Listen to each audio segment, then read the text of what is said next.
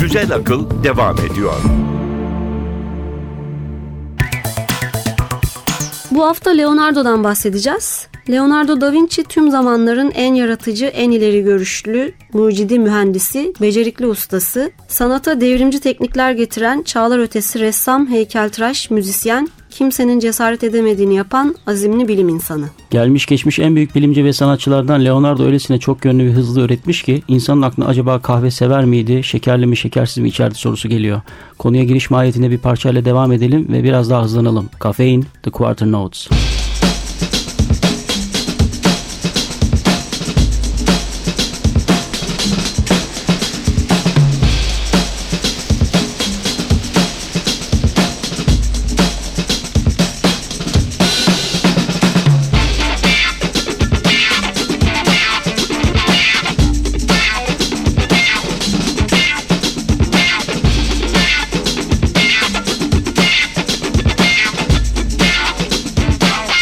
Güzel Akıl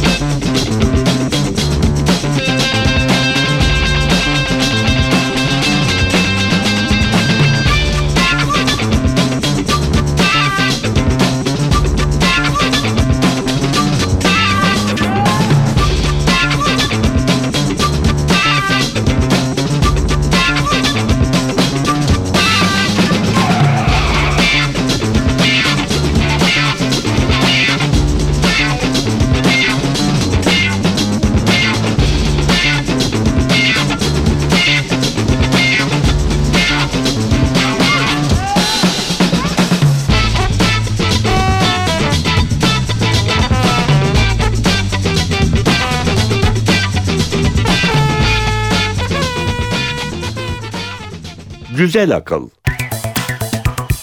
Leonardo'yu konuşuyorduk. Leonardo'nun yaşadığı dönemde Floransa Dükü yazar ve sanat hamisi Lorenzo de Medici iş başındaydı.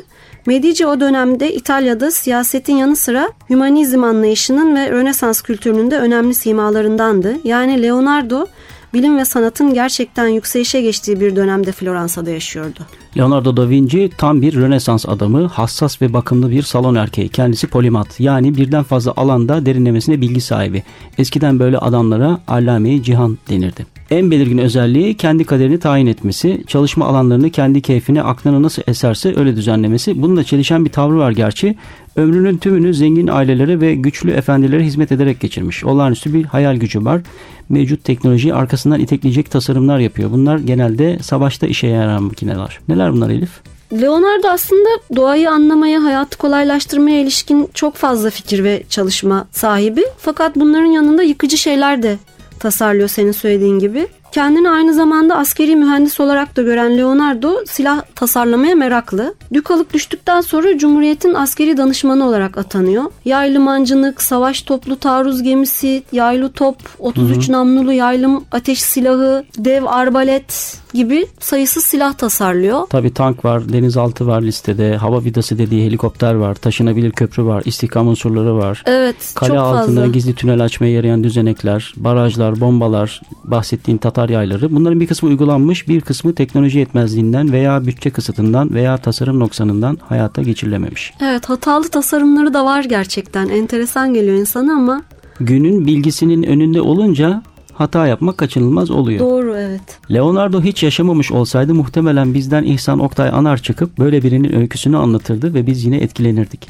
Evet gerçekten masal kahramanı gibi Leonardo. Ve onda dehanın en belirgin özelliği var. Zamanı kendi üzerine bükebiliyor. Bunun kanıtı yarım bıraktığı eserlerin bugün bile hayranlık uyandırması. Bir resmindeki ufacık bir ayrıntıya odaklanıp yaklaşınca onun dallanıp budaklanması. Kaliteli sanat eserinden, yazıdan, resimden veya müzikten beklentimiz bu.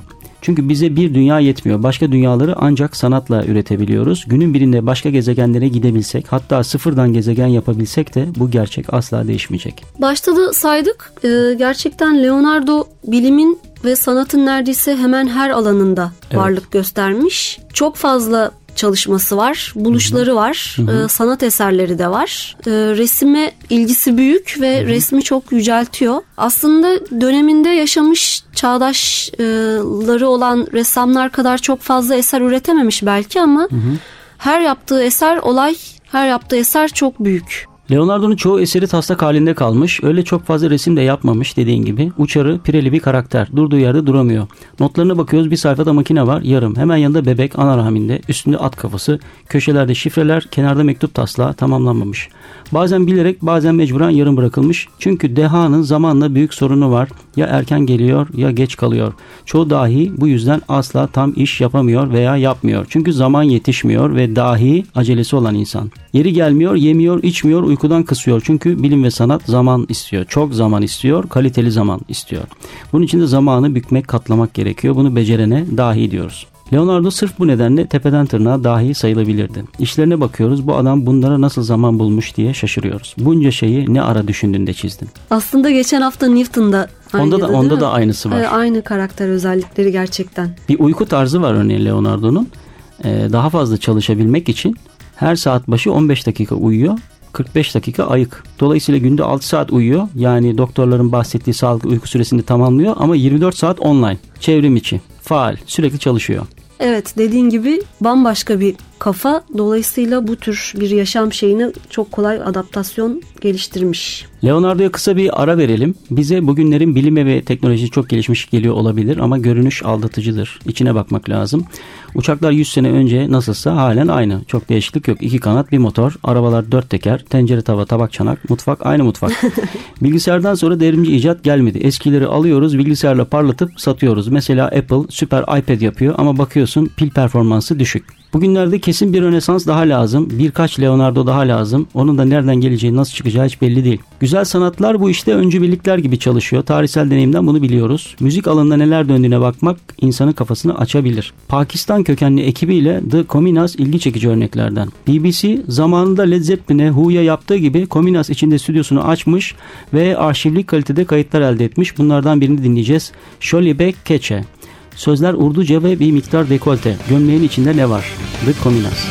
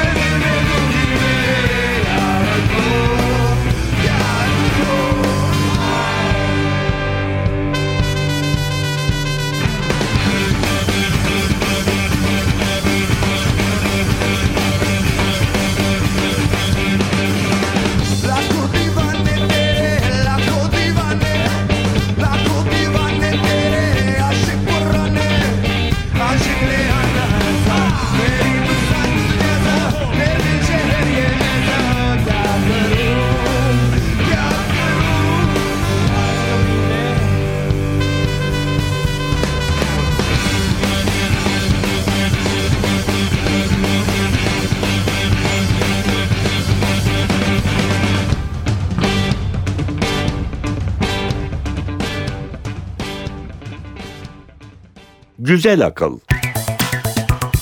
Leonardo'ya devam ediyoruz.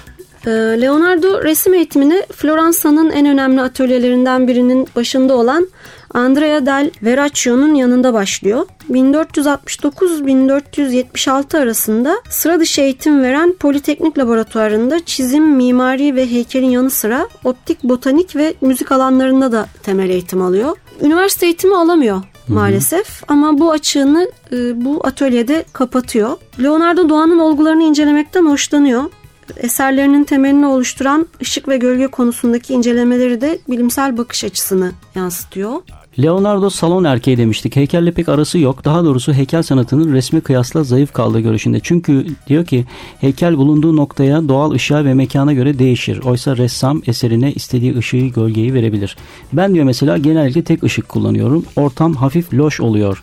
Renkler dalga dalga hafifliyor. Yani romantik bir insan loş ortamdan hoşlanıyor ve yaptığı eserlere de bu duygusunu yansıtıyor. Örneğin bugünlerde cep telefonlarında kullandığımız Instagram filtrasyonu bu tarz bir yumuşaklık sağlıyor. 3 boyut etkisi yaratan bu tekniğin resimdeki adı sfumato. Mona Lisa buna örnek ama Michelangelo mesela Leonardo ile dalga geçiyor. Bunlar diyor ne biçim eller? Bunlar bildiğin kadın elleri. Sen tabii heykel yapamazsın. Michelangelo da ayıp etmiş. Atışıyorlar arada tatlı tatlı. Bu sfumato tekniği ışık ve gölgenin nesneler üzerinde ortaya çıkardığı çeşitli oyunlara dayanıyor aslında. Bu sayede hacim, derinlik, genişlik, ton açısından sonsuz seçenek hususlarında büyük bir avantaj sağlıyor Leonardo. Demin sen söyledin Mona Lisa'da da aynı tekniği kullanıyor. Ağzın iki yanındaki gölgeli alanlarla modelin üç dünyasını yansıtmaya çalışıyor. Bu bizim hani oradan bakınca gülüyor, buradan bakınca mutsuz dediğimiz efekti bu sayede verebiliyor. Yani resim canlı neredeyse çıkacak Mona Lisa dolaşacak odanın içinde gibi bir durum. Evet. Figürlere hareket vermek de Leonardo'nun özellikle ilgilendiği konulardan zaten. Evet. Bu aslında bilimsel araştırmalarına da temel oluşturuyor. Sanatta gerçeği olduğu gibi yansıtmanın yollarını keşfetmek istiyor ve bunu yaparken eski heykellerden ya da ikinci el kaynaklardan bilgi edinmekle yetinmek istemiyor. Doğrudan damara iniyor. Ne yapıyor? Floransa'da ve Roma'da bazı hastanelerde kadavraların kesilmesini gözlemliyor. Hatta bazen bizzat kendisi bu kesme biçme işlemini gerçekleştiriyor. Böylece kesitsel anatomiyi kağıda ilk döken kişi oluyor. Normal ve patolojik yani hastalıklı kas, dolaşım, sinir, boşaltım, üreme sistemlerini, beyin, diğer organlar, kıkırdak, deri, iskelet incelemeleri var. Bunlardan yola çıkarak bedenin işlevlerini taklit eden fiziksel mekanik modeller yapıyor.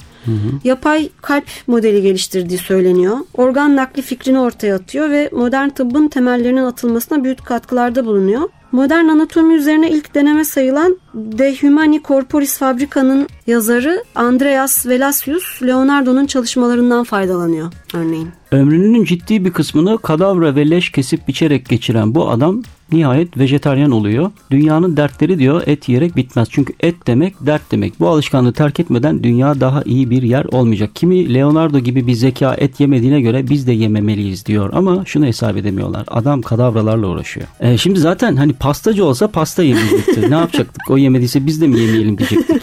Sonra başka şeyler var. Leonardo'nun kadınlarla ilişkisi sıfır. Hatta onlardan nefret ediyor. Belki çok akıllı olduğu için bilemiyoruz. Buna karşın erkeklerle arası çok iyi. Öyle ki talebem deyip yanında gezdirdiği fakat ne iş yaptığını kimsenin çözemediği genç arkadaşları var.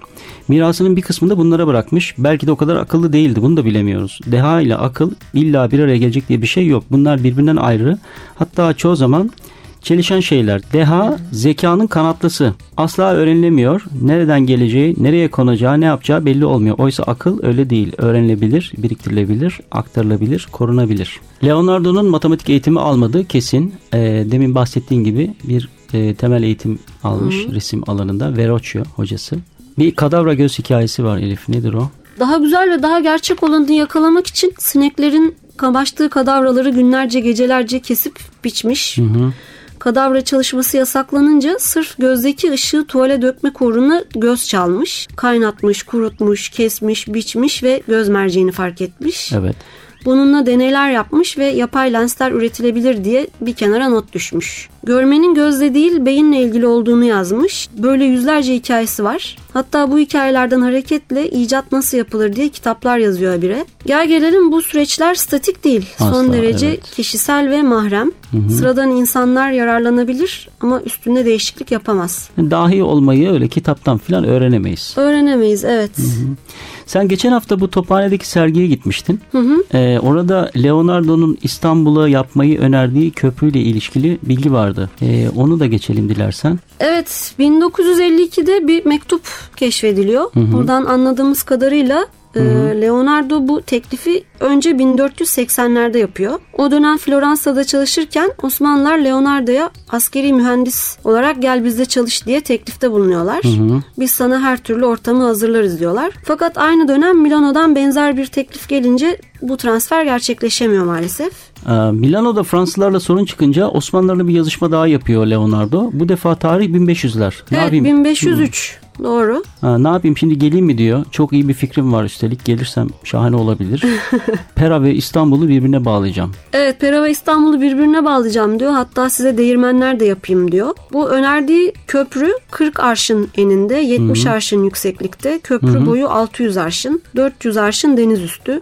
Kalan 200 karaya otursun. Arşın yaklaşık 70 santim. Yani, 300-400 metre civarında bir şeyden bahsediyoruz. Evet toplam uzunluğu böyle. İkinci Beyazıt soruşturuyor Leonardo'yu ve bu köprü gerçekleşebilir mi diye. Diyorlar ki dünyada böyle uzun ve iddialı köprü yok. Leonardo'nun taşıyıcı sütunlarla ilgili önerileri bizimkilere uçuk uygulanamaz geliyor. Teklif reddediliyor. Ama çok sonra yaptılar Evet galiba yaklaşık köprüyü. 500 yıl sonra e, Oslo'da 2001'de bu köprü gerçekleştiriliyor. Son derece zarif yay gibi güzel estetik bir köprü. Hali hazırda Eminönü Galata arasında uzanan hantal köprülerden çok daha güzel gerçekten. Taşıyıcı ayaklar incecik, narin, tabana doğru genişleyerek yükü dağıtıyor. Sanatkar adam. Evet. Leonardo 2 Mayıs 1519'da Clos Şatosu'nda ölmeden şöyle mırıldandı. Daha iyisini yapabilirdim. Kusura bakmayın beceremedim. Tanrı günahlarımı bağışlasın. Güzel Akıl 6. bölümde insanlığın bilim ve sanat güneşi Leonardo da Vinci'nin güzel kulaklarını çınlattık. Onun anısına Ankara'nın Güzide Müzik Topluluğu Hayvanlar Aleminden bir parça dinleyelim. Duydun mu Hayvanlar Alemini? Biraz önce senden duydum. Leonardo bu şarkıyı duysa kesin liriyle eşlik etmeyi denerdi. Etiyopya cazını icat eden Mulatu Astatke'nin narin bestesi Yeke Mosöv. Hayvanlar Alemi haftaya görüşene dek hoşçakalın. Hoşçakalın. Güzel